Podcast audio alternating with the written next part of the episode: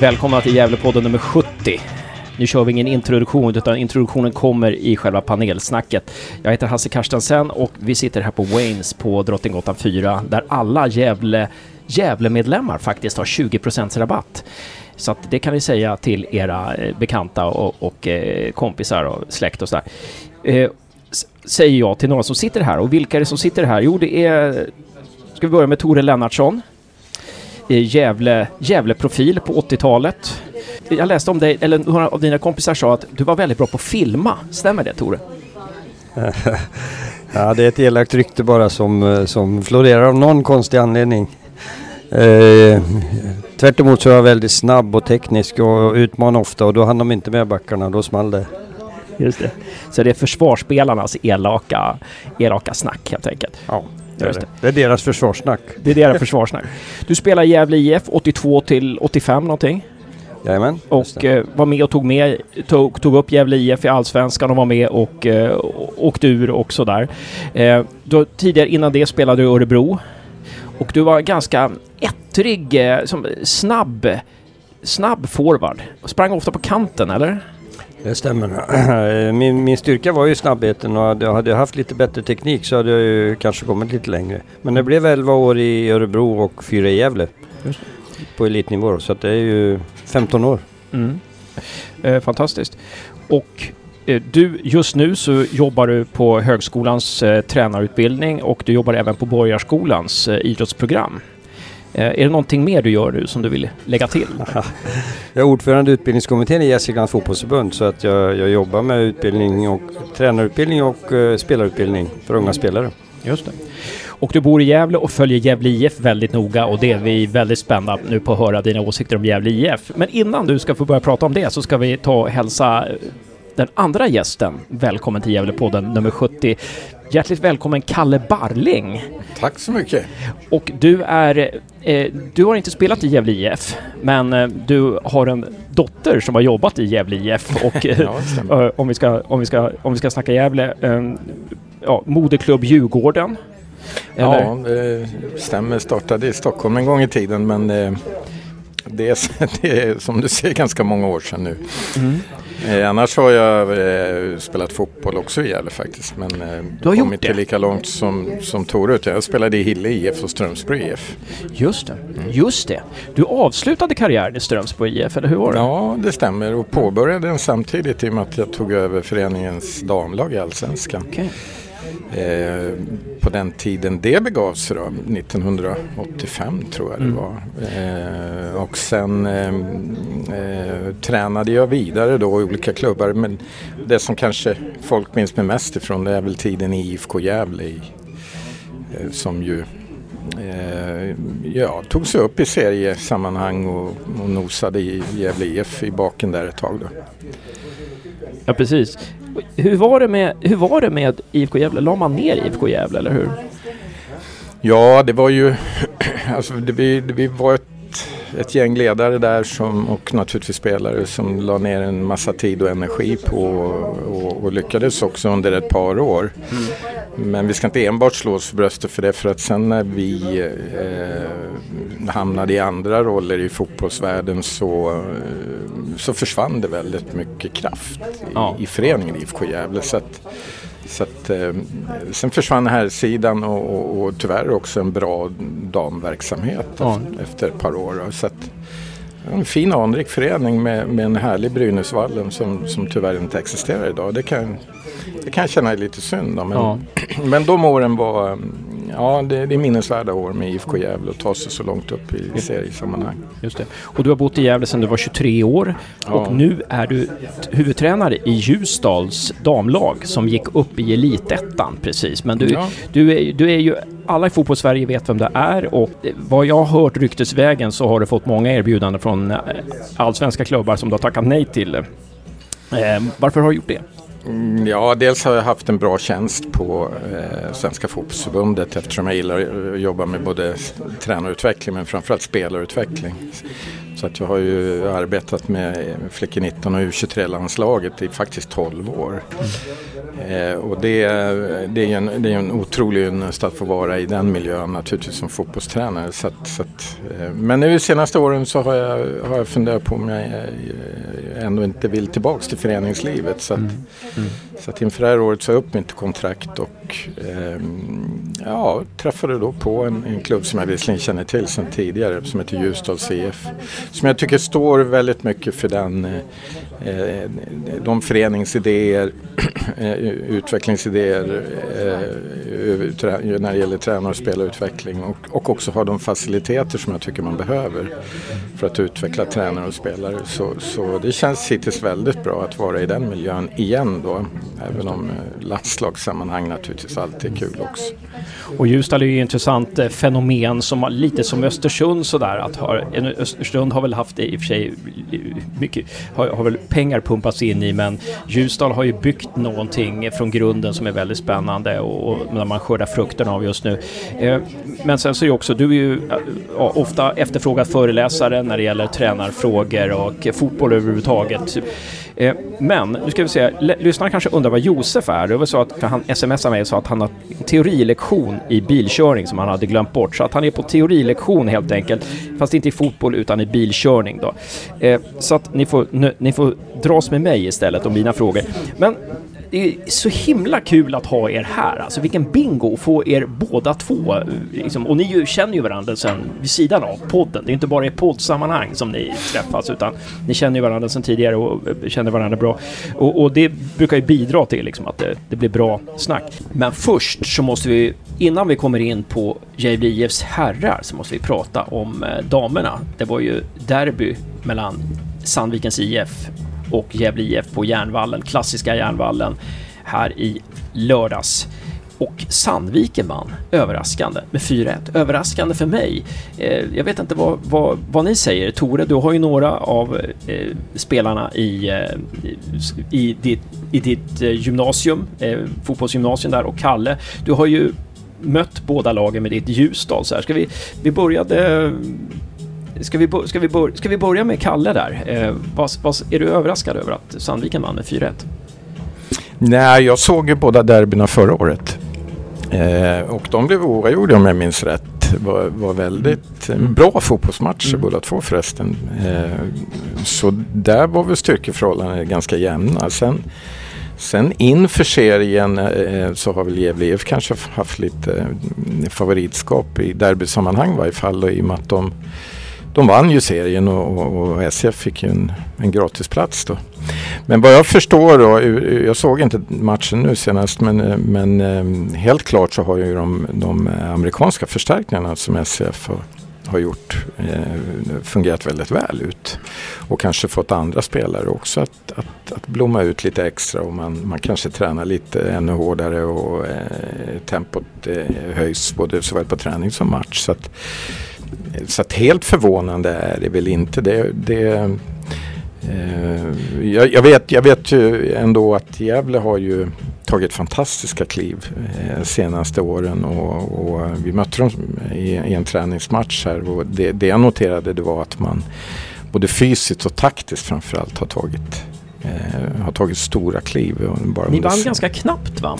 Ja, vi, vi, vi vann med uddamålet där. Sen, sen eh, mötte vi visserligen ganska... Sandviken också men utan ja. amerikanskor och där vann vi med, med, med ganska stora siffror. Då. Men, men det var då det. Mm. det. Det hände mycket under en försäsong så att jag Eh, det, det, som är glädjande med båda lagen också tycker jag, apropå vi, man, man, pratar ledarskap och så, det är ju att man har förstärkt på ledarsidan och i teamet kring båda lagen helt enkelt. Där, där man har, har, eh, ett otroligt engagemang med, med de som leder lagen och det, och det är ju också en förutsättning för att de här tjejerna ska med, med knapp knappa förutsättningar och med, med, med mindre ekonomi och, och, och, jobbar heltid och pluggar och så vidare så, så vill det till att det är ledare som tränar de här människorna. Inte bara tränar fotbollsspelare utan mm. verkligen ser människan hos, hos alla. Och det gäller ju killar också men det, oftast är ju är de ekonomiska förutsättningarna sämre för tjejer. De, de, mm. de har ett livspussel tycker jag eh, som, som är svårare att, att lägga än vad, vad elitkillar har. Mm. Och det, den orättvisan, den, den får vi jobba med att få bort. Det är min, det är min åsikt. Mm. Eh, intressant. Vad säger Tore? Eh, överraskad över att eh, Sandviken vann seriefinalen med 4-1? Ja, båda, båda lagen har ju unga och utvecklingsbara spelare i, i sina lag och det, det, är ju väldigt roligt för, för distriktsfotbollen att se att det finns många duktiga tjejer med. Och, och jag skulle också vilja säga att både Thomas Axlund och Niklas Bångberg har gjort ett jättefint jobb med Gävle IF. Och, och eh, fått de här tjejerna att utvecklas eh, både som individer och eh, som lagspelare eh, i föreningen. Så att eh, jag menar, det här var en enskild match och eh, eh precis som, som det blir ibland så kan det rinna iväg. Men eh, de här båda lagen är ju väldigt jämna. Och eh, jag är övertygad om att de i, i slutändan kommer att vara med och, och, och tampas upp i toppen eh, både i Sandviken och Gävle IF. Mm. Det var intressant, vi pratade med Hanna Sundin förra veckan i podd nummer 69, den som var innan den här. Och hon sa ju det att det hon har ju bytt från Gävle IF till Sandviken och vaktar nu Sandvikens IFs mål och släppte bara in ett mål. Eh, och hon sa att det märks att Sandviken är en rikare klubb än Gävle IF. Och det tyckte jag var intressant att eh, det var lättare att få saker och ting där i, i, i, eh, Sandviken än i Gävle. Ehm, så att det, det, då, där börjar man ju tänka nu, det kanske är ett maktskifte här att Sandviken börjar eh, gå om. Vad, vad, ska, vad, ska, man säga, vad ska man säga om det här med, med att de två amerikanska kommer in och liksom dominerar eh, anfallsspelet så pass. Eh, är, det, är det modellen det att spetsa laget med två stycken importer så här? Är det, är det rätt det eller hur ska, är det så man ska tänka? Ja, det, det är ju som allt annat, alltså, det, det, det beror på vilka, vilka, eh, vilka personligheter, människor, spelare det här är. Hur mycket de kan bidra till, till saker utanför planen också. Det, ibland så behöver man importera för att få en annan kompetens helt enkelt. Eh, och eh, Problemet kan jag tycka när det handlar om, om spelarutveckling för, för framtida landslagsspel och så vidare. Det är ju om det helt enkelt blir för många importer och då kan man ju, då kan man prata om att, att det kanske är en, en identitet som inte rimmar med övriga föreningen och så.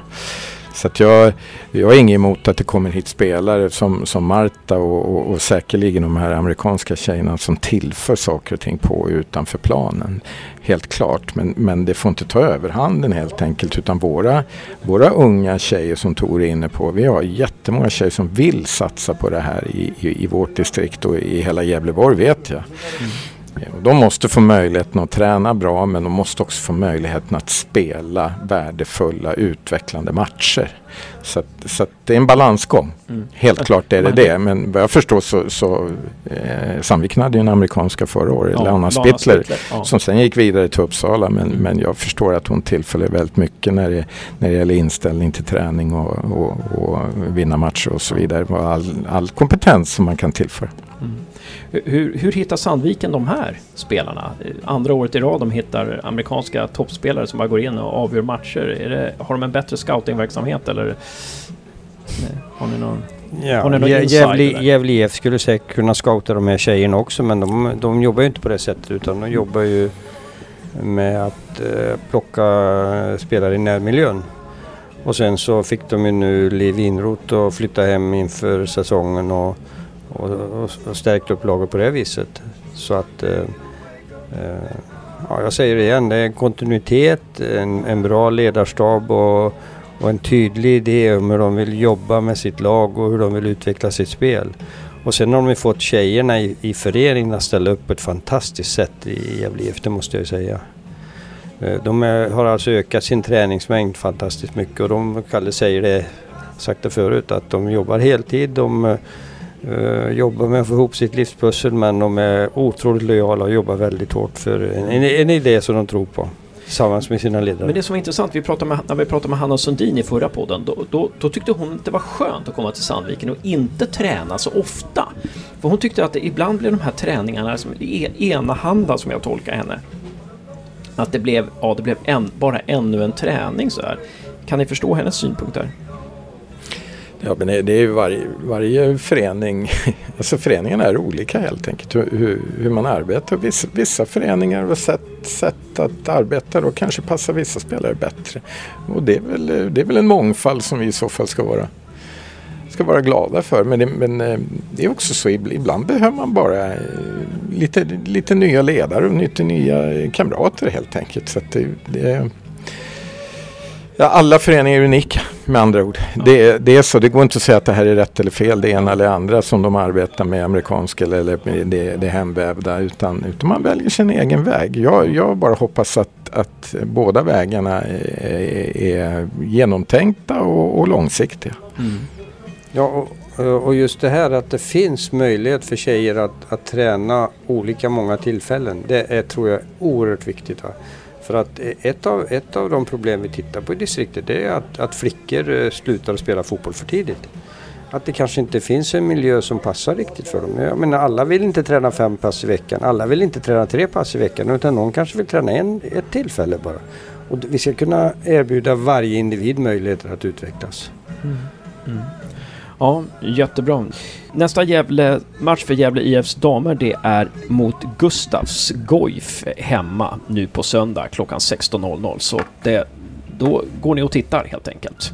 Men ni båda har sett Gävle IFs senaste match mot Landskrona och eh, det, det, är väl det är väl inte någon överdrift att säga att Gävle IF befinner sig i en liten krisig situation nu sen ett tag tillbaka och nu är det ju ganska stor kris om man förlorar hemma mot en nykomling i division 1 med 5-1 på hemmaplan. Hur pass allvarlig är den här krisen? Vad skulle ni vilja säga? Vem vill kasta sig in först? Vad håller ni med om att det är kris? Nej, ja, nej, det tycker inte jag. Eh, fortfarande är 20 matcher kvar och Eh, Eh, jag menar i, i, enskilda fotbollsmatcher så är det ju ofta, ofta eh, små detaljer som avgör och i den här matchen så var det ju så att eh, direkt efter Gävles kvitteringsmål så, så åkte de på ett i baken. Eh, det kunde varit så att det hade varit oavgjort i halvlek så hade det blivit en helt annan match. Så att eh, jag menar eh, när man hamnar lite i underläge det är väl lätt att det rinner iväg så att eh, om man tittar på helheten så tror jag det finns väldigt goda möjligheter fortfarande. Mm. Vad är det i helheten som du ser? Vad finns, ser du för positivt i, i Gävle fortfarande? Ja, de har de har en tydlig spelidé. De, eh, de har många tekniskt skickliga spelare som, som har kvaliteter om, om det skulle lossna för dem lite. Att, att de vågar ta ett ytterligare steg så tror jag att, säkert att det skulle kunna bli riktigt, riktigt bra. Ja, för det är intressant att du säger att de har en tydlig spelidé, för det är många fans som inte tycker det, att det inte finns en tydlig spelidé. Eh, men det tycker du, och sen så, ja, mod helt enkelt då från flera spelare. Spelare ja, alltså det, det, är ju så här i fotboll att, att på, på, högsta nivån att göra första målet är ju väldigt viktigt. Och eh, Gävle har inte lyckats göra det så många gånger. Även om de har haft tillfällen så, så har de släppt in ett bakåt och då kan eh, motståndarna ändra sitt spel lite grann, eh, hitta bättre utgångspositioner och sen kanske ställa om lite snabbare, snabbare framåt. Och det är det som har hänt vid, vid, vid några av matcherna. Mm. Vad säger Kalle? Håller du med Tore där? Eller någonting du vill gå emot i hans analys där? Nej, det är, det, det är lite svårt, för, åtminstone för min del. Det här var första matchen jag såg live. Jag har visserligen följt Gift och i vanlig ordning på, när jag är borta genom att titta på TV och så. Men, men eh, man måste alltid se eh, saker och ting i ett längre perspektiv. Och det, det, jag, jag tror någonstans att Gävle faktiskt sedan ett par år tillbaks är, är, är, söker sin, sin identitet på något vis. Det är helt klart när man har haft en, en väldigt tydlig struktur genom Stefan Lundin och Pelle Olsson och, och, och även Thomas Andersson under många år. Och sen kommer det eh, in nya medarbetare i föreningen i olika positioner så är det klart att det tar ett tag att att omsätta deras erfarenheter och idéer i, i, en ny identitet. Så att jag tror att vi, det låter kanske tråkigt men jag tror att vi får leva med att det kan komma en och annan sån här match på vägen mot att hitta den stabilitet som kanske Gävle. Mm. Eh, nu eh, Eh, var det ju också en väldigt stor omsättning på spelare inför den här säsongen och faktiskt även under förra säsongen. Och det innebär ju att det jag pratar om inte blir lättare på något vis. Eh, och det, det vad jag förstår också lite omsättning i styrelse och på kansli och så vidare. Så, att, så, så eh, ja, återigen, att det här sker, det, det tror jag är, är, bara en del av att, att Eh, söka sin stabilitet på något vis. Då. I den här matchen har man ju en otroligt offensiv ambition som jag kan se. Men, men Eh, Eh, eh, får inte, som Tor är inne på, får inte de viktiga målen vid rätt tillfälle och så vidare. Eller snarare man åker på något tillbaka. Och då är Landskrona oerhört snabba på att hitta de ytor som Gävle eh, lämnar i sin offensiv. Så, så att det, eh, matchen innan mot, mot Eskilstuna så fanns inte alls de ytorna hos Gävle. Så matchens karaktärer ble, blev så att det gynnade Landskrona den här gången helt ja. enkelt. Men, men, men återigen, eh, jag tror inte man ska, åtminstone inte Tor och jag, sitta och analysera en enskild match för mycket. Utan, ja. utan man får nog titta på vad som sker under hela säsongen här just för att hitta ett Eh, ja, jag hittar inget bättre ord, men ett nytt Gävle IF ändå mm. eftersom omsättningen har varit ända sedan Roger Sandbergs tid både på tränare och, och spelarsidan ganska hög faktiskt. Mm. Ja, men, men eh, det är intressant där med, med det här med kontinuitet och hitta sin identitet. Det måste vi ju gräva vidare i lite. Men om vi ska stanna kvar lite och rota i den här matchen då från i förrgår i måndags. Det är det att Gävle släpper in ganska många mål just nu. Man släppte in fem där. Det höll ju ovanligt bra mot Eskilstuna borta. Man har ju släppt in fyra mål mot... Eh, eh, man släppte in fyra mål mot Brage och man släppte in tre mål hemma mot eh, Halmstad och tre mot eh, Örgryte och så vidare. Och så vidare. Alltså, man släpper in ganska många mål. Är det då rätt att ja, satsa så offensivt? Ska man inte dra sig tillbaka då och spela lite mer defensivt? Tänka att äh, är vi ett bottenlag, vi, eh, vi måste vara lite mer försiktiga här med vad vi håller på med. Det, man kan flika in där, det är, eh, som jag ser dagens fotboll så, så handlar det ena, eh, alltså det går inte att skilja försvarsspel och anfallsspel utan det är ju just de här övergångarna dessemellan som är viktiga. Och det, det, det, är klart att övergångarna framåt såg bättre ut än de såg ut bakåt. Men, men eh, eh det, är inte, det, är inte, så att automatiskt om man backar hem idag att det, att det föranleder ett bättre försvarsspel. För att, för att du, behöv, du behöver se till så att helheten återigen då fungerar. För att, för att just, just de här övergångarna eller omställningarna som det också heter. Eh, det, går, det går så vansinnigt fort så att, så att eh, det, det, det jag tror är viktigt för alla lag, inte bara för Gävle IF, det är just att ha en balans eh, mellan försvar och anfallsspel för att, för att plocka de poängen. Mm. Och, och, det vad jag förstår har Gävle haft tidigare, men kanske ändå inte den här matchen. Så, mm. så, det, så det, jag, jag håller med, med Kalle om det här. Just att, att eh, laget är ju passningsorienterat. De, de vill ju prioritera eh, stort bollinnehav och och bygga spelet eh, nerifrån, spela igenom spelytorna och om man då tappar bollen på vägen fram då att ha lite tänk defi off, att, att eh, direkt kunna eh, ta det här läget att, att ställa om till försvarsspel om man tappar bollen, det är alltså oerhört viktigt. Men just tanken att, att eh, ha ett stort bollinnehav, att odla spelet är ju en, en idé som har genomsyrat laget under en lång period nu. Och eh, bara man får det här flytet och att, att, att, säkerheten blir lite större och sånt och man kan eh, kanske ta sig in i sista tredjedelen med de här passningarna och komma in bakom deras backlinje så kommer det ju ges tillfällen genom att man har ett stort bollinnehav.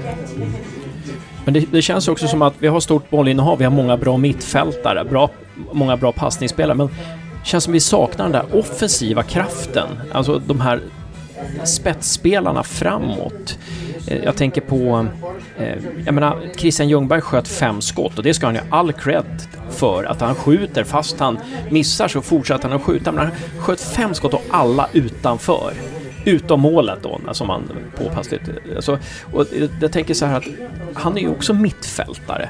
Piotr kommer i bra läge, skjuter utanför. Att, jag menar, vana målskyttar, de placerar bollen på mål. Jag vet inte vad ni säger om det, att, att det saknas någonting där framåt. Har ni någon?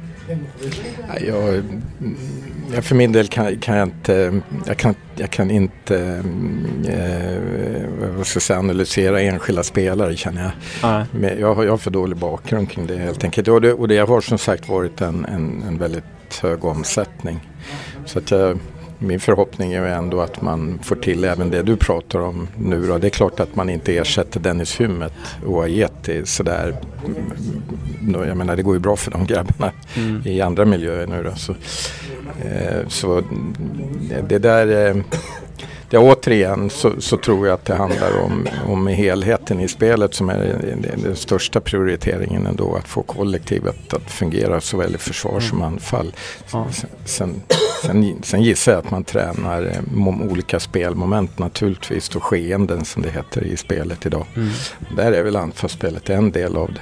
Jag, tyck, jag tycker också att Landskrona i den här matchen försvarade sig ganska väl och, Mm. och spelade sig ur situationen väldigt skickligt. Så att man måste ju också, man måste ju också ge en eloge till motståndarna när man förlorar matcher, helt klart.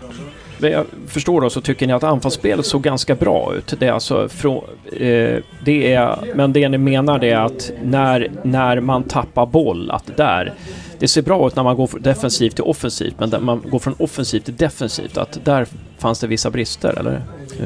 Om jag får prata om anfallsspelet. eh, Jag, jag menar det finns ju så många analysmat, eh, analysföretag som tittar på det här. Att, ja, så har man så här många avslut i bra situationer och sånt så på sikt så innebär det att laget kommer vinna matcher. Eh, ett exempel är ju Juventus för några år sedan. De, de, trots att de hade väldigt mycket avslut och målchanser och sånt så förlorade de matcher. Men då kunde man ändå se trenden att, att de kommer att komma tillbaks. Och, och, och jag menar om man då som, som Ljungberg då får fem avslut. Nästa match kanske tre utav dem sitter istället för fem. Att, men att, att man fortsätter att jobba med, med de här bitarna. Och att, eh, rätt som det är så är det stolpe in eller rätt som det är så kommer man i ett läge och får det här flytet. Och det gäller ju forwards, forwards i laget också. Jag menar eh, om de kommer in i det här flytet och börjar göra mål, va, då... Vi såg ju på, på eh, norrmannen i fjol, va, det, det satt ju alla lägen. Så att, eh, det är så lite som behöver, men- behövs, men det är också väldigt mycket psykologi för, för anfalls, eller forwards då, när de kommer i lägen. Ja. Så, så att fortsätta nöta på, fortsätta nöta på och om det gäller att spelarna och föreningen tror på den spelidé då som Mjällby och Marcus Bengtsson eh, förespråkar. Att fortsätta den här stilen eller bör man ändra på någonting? Nej, men eh, det är, alltså kontinuiteten och traditionen och allting sånt där är ju, är ju väldigt viktig just i, i ett lags identitet och i föreningen. Så jag, jag tror det vikt, viktigaste efter en förlustmatch och i synnerhet en sån här som, som ändå eh, svider ganska mycket. Ja. Det, det, det är ju att, eh, att lära sig av den helt enkelt. Och det handlar ju om kollektivet, eh, alltså den metod man har i försvar och anfallsspel den ska man naturligtvis tro på. Men, men det finns säkert, säkert då efter en sån här match anledning att, att, att, att titta på var i metoden är det har brustit just den här matchen. Eh, Så att för, för min del tycker, tycker jag, jag, jag gillar inte det här att man bara stryker en förlustmatch ur minnet och går vidare. Och, och, utan, utan det handlar med all utveckling om att att, eh, att med, med- ett kritiskt öga titta på vad kan vi göra bättre.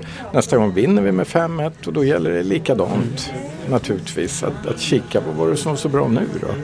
Så, att, så att det här är ju en process i en förening och det, och det här tror jag Tore, Tore, vi är så överens om det här att allting inom idrotten är, måste man se i ett längre perspektiv.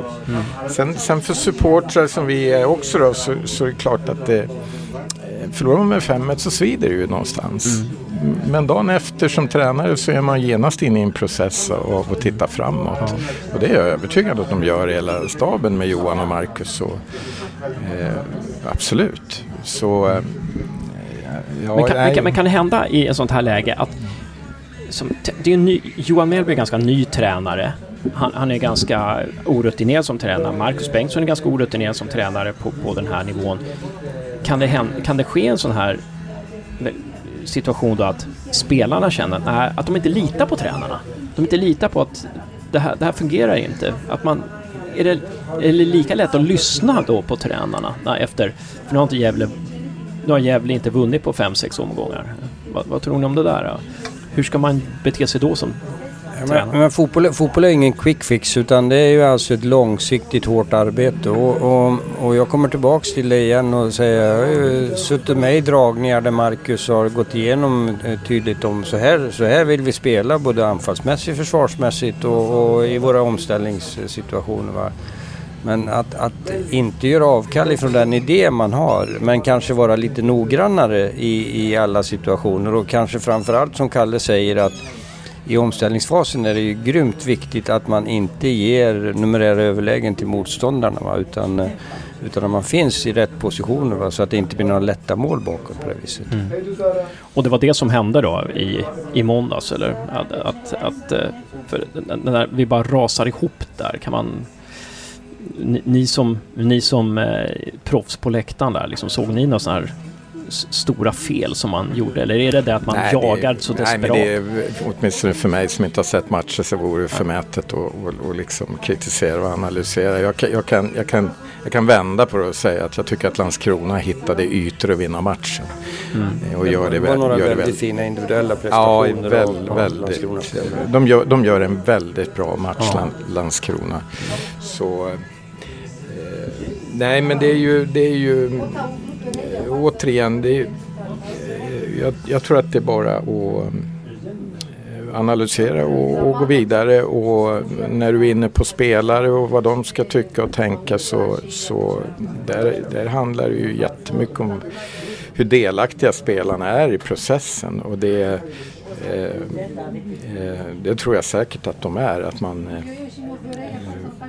så att det inte är tränaren som äger spel, spelet och processen utan det behöver ju eh, det behöver ju spelarna också göra så att man kan ha en, en sund analys och diskussioner, dialog efter mm. matcherna. Och det, och det, eh,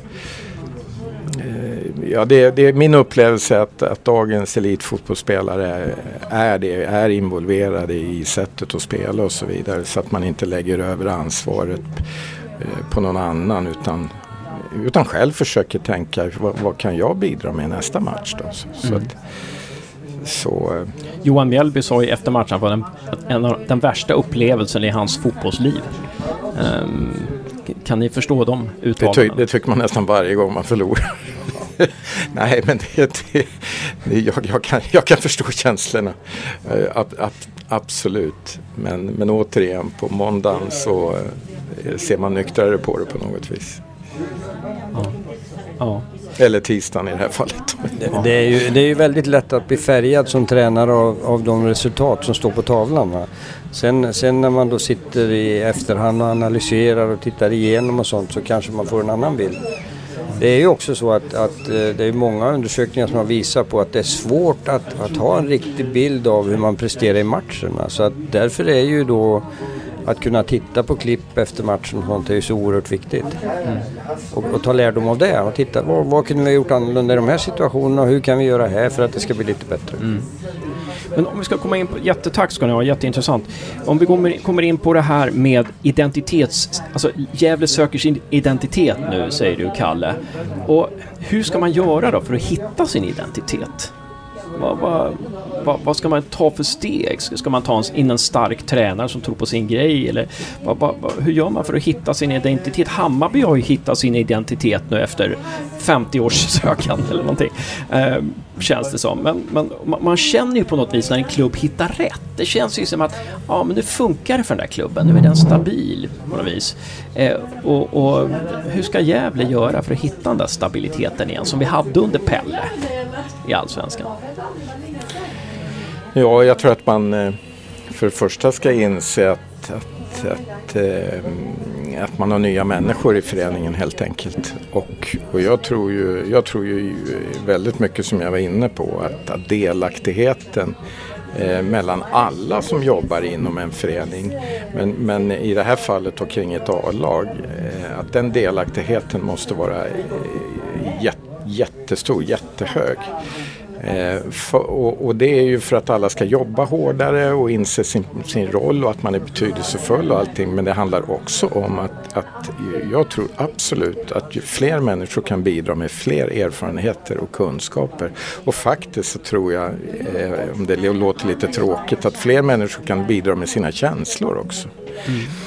Eh, och utifrån den kunskap, erfarenhet, känsla, jag ska bara, säga ja, det, så okay. tror jag att man, det de människorna eh, har samlats kring, det Eh, det sätter man upp målsättningar för och sen jobbar man 100% för att, för att uppfylla de målsättningarna. Och, och når man inte målen, då utvärderar man och så kanske man putsar på målen till nästa säsong.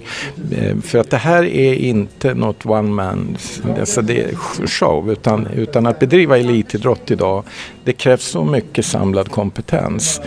Eh, och det är min erfarenhet av eliten och, och, och naturligtvis varit bortskämd i, i landslagssammanhang med att ha all den här kompetensen. Men jag tror, jag tror att eh, eh föreningar måste fungera exakt likadant. Och då tror jag att när man enas om vissa saker så, så och där styrelsemedlemmarna inte minst då är involverade också Eh, med, alla målsättningar och så. Att man, att, man, att man kan göra ett jobb tillsammans. Sen har man ju olika roller så att, så att huvudtränaren har ju naturligtvis sin kompetens i att ta ut lag, coacha lag, leda laget på träning och så vidare och i individuella samtal och allt vad som krävs av en huvudtränare.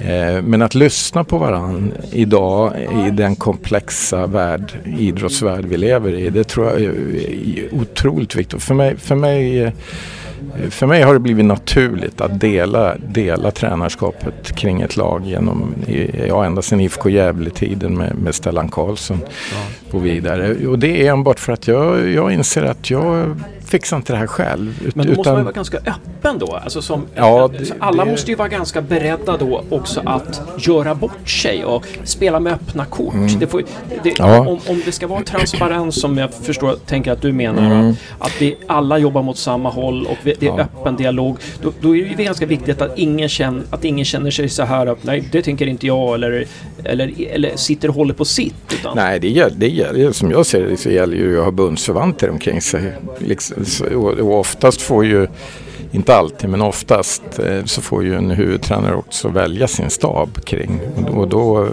naturligtvis väljer man ju människor som man trivs och kan jobba med och så. Då. Och jag säger inte att Gävle IF inte har det där men, men jag tror att under så många års eh, eh år, så många år med Pelle Olsson vid rodret och med, med samma besättning i princip så, så, så, blev det på ett, ett genuint eh, sätt på något vis. Så där, där kanske, jag, jag, jag är inte så insatt, men jag, kanske att, att, att Gävle behöver hitta den stadgan igen. Ja. Ja, men jag, jag, vill fylla på det där Kalle säger just att, att eh, teamet är ju det som avgör hur, hur man, man klarar sig och eh, att det också finns en rollacceptans där. Att eh, jag har min uppgift och jag, jag sköter det. Va? Och att, precis som Kalle säger att eh, det är en, en som är huvudtränare och de andra ska fylla på med all kompetens de har. Och samtidigt så ska de ju få mandat att, att hjälpa till. Och, och eh, jag är övertygad om att, eh, att de, det här teamet i Gävle fungerar ju bra tillsammans och, och får de jobba på i lugn och ro med det här så, så kommer det säkert att bli bra. Alltså. Problemet är ju det här med lugn och ro, att man får ju så här, inte så mycket lugn och ro i elitfotboll.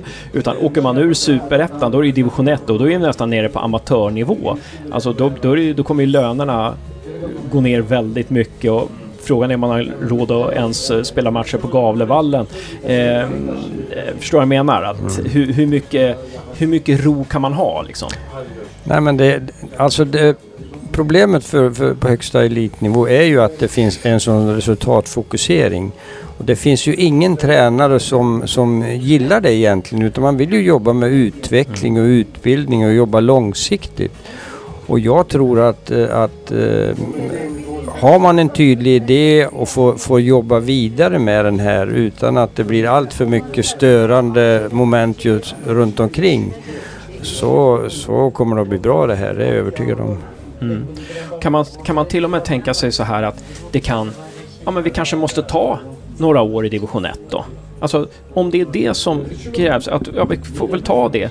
För vi, vi, det, det vi ska göra, det är, vi ska hit, vi ska ha till, vi ska, det här är vår vision och vi ska jobba tillsammans och vi ska hitta ny identitet för Gävle IF. Och om, det, om vi så åker ner i division 1 och tar några år där så, så, så må det vara hänt liksom. Eh, ja, ja som, som utbildare så nu, vi är inte involverade i GIF Nej. på det viset så det är lätt för oss att sitta och säga men, men som utbildare så är det så vi behöver tänka ja. när, när det gäller föreningsutveckling, spelar och tränarutveckling ja. för all del också. Men det är ju bara, vi har eh, tre mil härifrån har vi Sandvikens IF Mm. Som, som jag tycker är väldigt, väldigt tydliga i hur de arbetar. Eh, och kämpar på i, i division 1 nu då. Eh, eh och, och, och, och, faktiskt just nu då ligger på, på kvalplats eller nedflyttning till division 2. Att, mm. men, men, det påverkar inte deras sätt att jobba tror jag. Utan, utan eh, jag tror någonstans att man måste ha en, eh, vara förberedd på att det också kan eh, gå illa. Mm. Men att själva identiteten och, och organisationen eh, eh, finns kvar och, och, energin och viljan hos människorna att jobba vidare. Mm. För att lag åker ur serier. Ja. Så är det och man kan åka ur serier med ett bra lag. Eh, och börjar man med massa så här quick fix så kan man sabba den här processen. Då kommer det in nya personer så det, och så försvinner personer och så sabbar man det här som man håller på att bygga upp. Ja, eller? nej, kontinuitet mm. är ett nyckelord. Mm. Det, det, är all utveckling helt mm. enkelt. Och, och, här måste ju vi lyfta ungdomsverksamheten också. Mm. Hur, hur, ja. Och där har ju Gävle IF byggt upp, byggt upp något väldigt fint mm. under alla dessa ja eh, Eh, år. Och, eh, och det, det, det, måste man vara otroligt eh, noggrann med både på, på kill och tjejsidan. För det här är ju också, alla som inte fortsätter är ju våra framtida supportrar och ledare. Mm. Så den verksamheten den rasar ju inte ihop för att man åker ur en serie heller utan, utan tvärtom, den kanske blir ännu viktigare. Mm. Ja. ja, spännande. Men jag, jag, vill påpeka, jag menar vi har spelat en tredjedel av serien och sen så börjar man måla fan på väggen redan då och diskutera i sådana banor. Att när det är två matcher kvar och man är i den här situationen då kanske man kan, eh, om, kanske man kan bli lite orolig. Men det är ju en väldigt lång serie och det är ofta så är att ja, det, nu är det katastrof här. Vi har inte fått med oss de här poängen och, och vi ser ju, jag menar Elfsborg exempelvis, eh, de, de eh, har vänt på alltihopa på några matcher här. Så att det är mycket psykologi inom, inom idrotten alltså. Ja. Men, men kan man också tänka sig så här då att om Gävle IF, alltså det här med att sparka en tränare till exempel. Det kan ju också vara så att en tränare är fel för en förening. Allting fungerar men tränaren passar inte in. Ska man, då kanske man ska, då kanske man ska, kan man tänka sig att, jag fick faktiskt frågan här av en, eh, en dagstidning i, igår. Vad, vad ska, ska Johan Mjällby få sparken? Nej, sa jag, utan jag tycker att man skulle ta in en till tränare som är mer rutinerad som liksom leder det hela och att eh, ja, kanske finns där som ett stöd. Eller som går in som huvudtränare Johan Mjällby och, och Mackan blir assisterande tränare. Skulle man tänka sig en sån, då blir det ju inte att man sparkar utan då blir det ju att man stöttar upp den tränare som finns, den tränarstab som finns. För det kan ju också vara så att med identitetssökande måste man ju vara öppen och då kan man, kan man inte tänka då att ja, men de här tränarna räckte inte till liksom för att bygga den identitet, det som vi vill. Så att vi måste, vi måste stadga upp det här på något vis. alltså, det är ju jag tror Tore håller med mig. Det är, det är ett feltänk att tänka att man förlorar matcher så det så, det, så har vi en tränare som inte har kompetens. Utan jag, jag har jättesvårt när man sparkar tränare måste mm. jag säga. Eh, så det, så det, är ju, det är ju absolut inte eh, fallet som jag ser det just nu i varje fall. Utan, utan finns det är inte på kartan. Nej, det finns inte på kartan. Utan det är ju, utan det här återigen, det är ju det, det, lång, det långsiktiga och jobba på det man, har, det man tror på och det, den, den väg man har valt att gå och så vidare. Och sen så naturligtvis under resans gång putsa på. Jag, Nej, men det, det, är klart att det blir eh, superettan fotboll här även nästa år. Det, det tror jag. Absolut, och sen, sen hamnar man i tyngre perioder ibland och då får, får man jobba lite hårdare helt enkelt. Då, mm. då, då får man träna lite mer Ja. För det är inte otur. Utan, Nej, det är utan inte otur utan det, det beror på någonting. Nej, och det, och det här, eh, jag är övertygad också om att, att styrelsen och klubbledningen överhuvudtaget har, har eh, stöder tränarstaben och att man, att man jobbar långsiktigt för att, för att nej, eh, annars blir det inget bra. Det, jag har ju många matcher har gått som sagt som du sa Tore. Ja, Nej. nio, tio stycken va?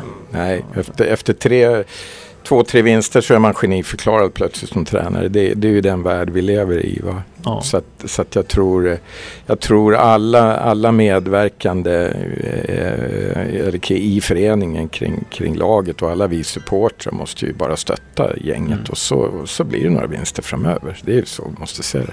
Ja. Det, det. Det sämsta vi kan göra det är att stanna hemma och inte gå på matchen. Nej. Där hör ni, ni som, ni som var, var på Gavlevallen senast, gå tillbaka nu på tisdag när vi möter Helsingborg och ta med er era kompisar så blir vi ännu fler där. Eh, det var ju jättebra. Eh, och sen, så, sen så det här med att stötta varandra. David Norell Hussein, nya klubbdirektören och eh, ordföranden eh, Malin Rogström, de hade ju stannat kvar till klockan 12 och suttit och pratat med Johan Mellby och Mackan och sådär. Och, eh, det känns ju som en styrka på något vis. Det, det, verkar ju, det verkar ju vara ett tecken på det som ni säger, att man gör någonting tillsammans, eller? Hur ska ni... Ja, bara till 12 säger jag. det, det, det är deras vardag också i det här. Mm. Alltså, så är det ju. Och jag, jag, jag läser bara engagemang mellan raderna. Jag tycker, Ja, jag tycker det- det låter ju konstigt, men jag tycker också att det låter lite härligt. Mm. Jag har ju träffat Malin flera gånger och hon, hon brinner ju verkligen för det här och då har ju, hon har gjort ett kanonjobb. Mm. Så att eh, det är verkligen härligt att se hennes engagemang i det här. Mm. Ja, just det. Ja, men jättefint. Då har vi, då har vi liksom pratat om matchen, vi har pratat om Gävle IF, eh, kontinuitet och eh, ja, hur, hur vi ska agera nu framöver och sådär. Men sista frågan då. Eh, jag menar, vi, ni kommer ju återkomma i podden massor med gånger så att vi, vi, ja, det vi har glömt nu det, det, får vi ta, det får vi ta flera gånger framöver. Men, men det här med, eh, ja, när vi hade Pelle så var, var, fanns det en väldig kontinuitet liksom. Alla visste alla visste vem som gjorde vad och man visste Pelles system som du sa när vi pratade i telefon, Kalle, där att ja, om en spelare gick ut så kommer nästa in för spelsystemet var så otroligt eh, lättfattligt och så. Jag menar, eh, för att vi ska komma tillbaka eh, för att komma tillbaka till, till den här till den här stabila grunden och hitta tillbaka det här Gäv- till, eller hitta tillbaka, men eller hitta ett nytt Gävle IF som är också stabilt och så. Vad, är, det någonting mer som, vad är det mer som behöver hända tror ni för att den här stabiliteten ska lägga sig och vi ska ta, börja resan uppåt? Vad är, vad är det framförallt Gävle IF ska fokusera på nu? Finns det några, har ni några Ja, tankar? men, men om vi nu tittar på Johan Mjällby som då är eh, som spelare var han en av Sveriges skickligaste försvarsspelare. Så om det är någon som har erfarenhet och kunskap utifrån sådana här situationer hur man, hur man ska jobba med försvarsspelet så är det ju han. Då. Så att, att eh, eh vi, vi måste ha en tilltro till dem som, som jobbar i de här situationerna. Och jag återkommer till det att att det, det är ingenting man gör som vi pratar om quick fix utan att det är långsiktigt hårt arbete och det är ju de medvetna om de som är i de här rollerna. Både Marcus och Johan är ju oerhört skickliga. De, är, de har eh, gått och tränarutbildningar eller går tränarutbildningarna. De här moderna tänkesättet kring fotboll och, och, och de har ju, har ju alla bitarna. Det gäller bara att det faller på plats. Mm. Så sparka inte Johan Mjällby utan använd hans kompetens fullt ut istället. Det är lite det du säger. Det jag är övertygad om att de använder hans kompetens fullt ut men absolut inte göra några förändringar. Det, Nej. det, det vore helt fel. Nej. Eh, Kalle, någonting, nå- någonting som... Några pusselbitar som Gävle IF behöver lägga till det här pusslet nu framöver för att det ska... eh, s- För att det ska bli sta- stabilitet i föreningen och för att vi ska kunna hamna där, där vi var med Pelle. Ja, det, är, det är ju... Eh, jag menar det som, det som eh, Pelle och, och, och hans medarbetare Anders Berg med fler byggde upp en gång i tiden. Det, det var ju deras sätt att leda en förening. Idag, idag, det jag menar är ju att idag måste man, alltså det här med tydlighet hur vi, hur vi gör här i våran förening. Det, det, det måste genomsyra hela föreningen för att det ska bli långsiktighet och att alla känner just sig just delaktiga för att kunna jobba hårdare. För vi har nämnt spelarna väldigt lite här. Jag, jag, Mm, ja. jag måste säga att eh, när- när man eh, man kommer från en, en tyngre period så ja, då behöver spelarna helt enkelt rannsaka sig själva, gå till sig själva. Helt, hur ska de klättra på stegen för att Mm. individuellt? Ja. Sen kan man putsa en massa saker kollektivt och så vidare. Men, men varje spelare behöver höja sig när man kommer från tyngre perioder. De behöver träna hårdare, Mm. återhämta sig bättre, äta bättre och allt vad det innebär och så vidare. Så att, så att allting går hela tiden att göra bättre. Förstår sin roll bättre. Ja, och det, och det är ju inte bara tränarens roll. Nej. Utan det, är ju, det jag handlar om att söka kunskap i- som, som spelare. Är du ny i Gävle IF? Ja, men då får du vara nyfiken. Mm. För, för, eh, Sätter du inte bollen på mål så får du lära dig att sätta Nej, det är mål. ja, det, är- så är det ju. Mm. Det är ju jag, jag gillar ju också att, att de skjuter mycket, de här Ljungberg och, och, och, och, ehm, eh, Bergmark. Mm. De skjuter väldigt mycket. Mm. Och, eh, men helt klart så ska man, ska man ställa krav som du var inne på, att de behöver också bli effektivare. Mm. Helt klart har de mycket skott men det spelar ingen roll om man inte träffar mål. Så, där, så där är ju bara att ställa, ställa eller ö, höja förväntningarna på de här grabbarna. Att, nej men fan ska vi vinna får du ju träffa mål. Så, så att det, handlar, det handlar om alla roller som Tor är inne på. Alla roller måste bara höja sig lite när det är tyngre perioder. Eh, för då, då hittar man upp på spåret igen. Alla, alla lag, alla skidåkare vallar fel ibland. Och det gör vi tränare och spelare också. Mm. Men det finns andra valler att ta till nästa match. Just det. Så det är bara att se positivt på hela verksamheten och Ja. köra. Det är, Ja. Det blir superettan, hör ni, hör ni fans, det blir superettan nästa år också. Eh, och mer transparens, stötta varandra, tydlighet i föreningen, alla jobbar mot samma mål eh, och spel... All, allt li- ligger inte bara på ledarna utan spelarna måste se sig själva i spegeln. Spelarna måste bli bättre. Man måste bli bättre på att träffa mål, man måste bli bättre på att jobba hem, man måste bli bättre på att inte tappa bollen i fel lägen och så vidare. Och så vidare. Grymt intressant att prata med er. Tack så mycket, Kalle Barling. tack så mycket själv. Tack ska du ha, Tore Lennartsson. Tack så mycket. Och eh, det var allt för Gävlepodden nummer 70 den här veckan. Nästa vecka så kommer ett snack med Daniel Theorin och då berättar han om när han träffade Zlatan och spelade med Zlatan faktiskt. Men ni får inte glömma nu att eh, Gävle IFs damer spelar hemmamatch snart, så gå på den och gå på herrarnas match på tisdag mot Helsingborg 19.00. Heja Gävle!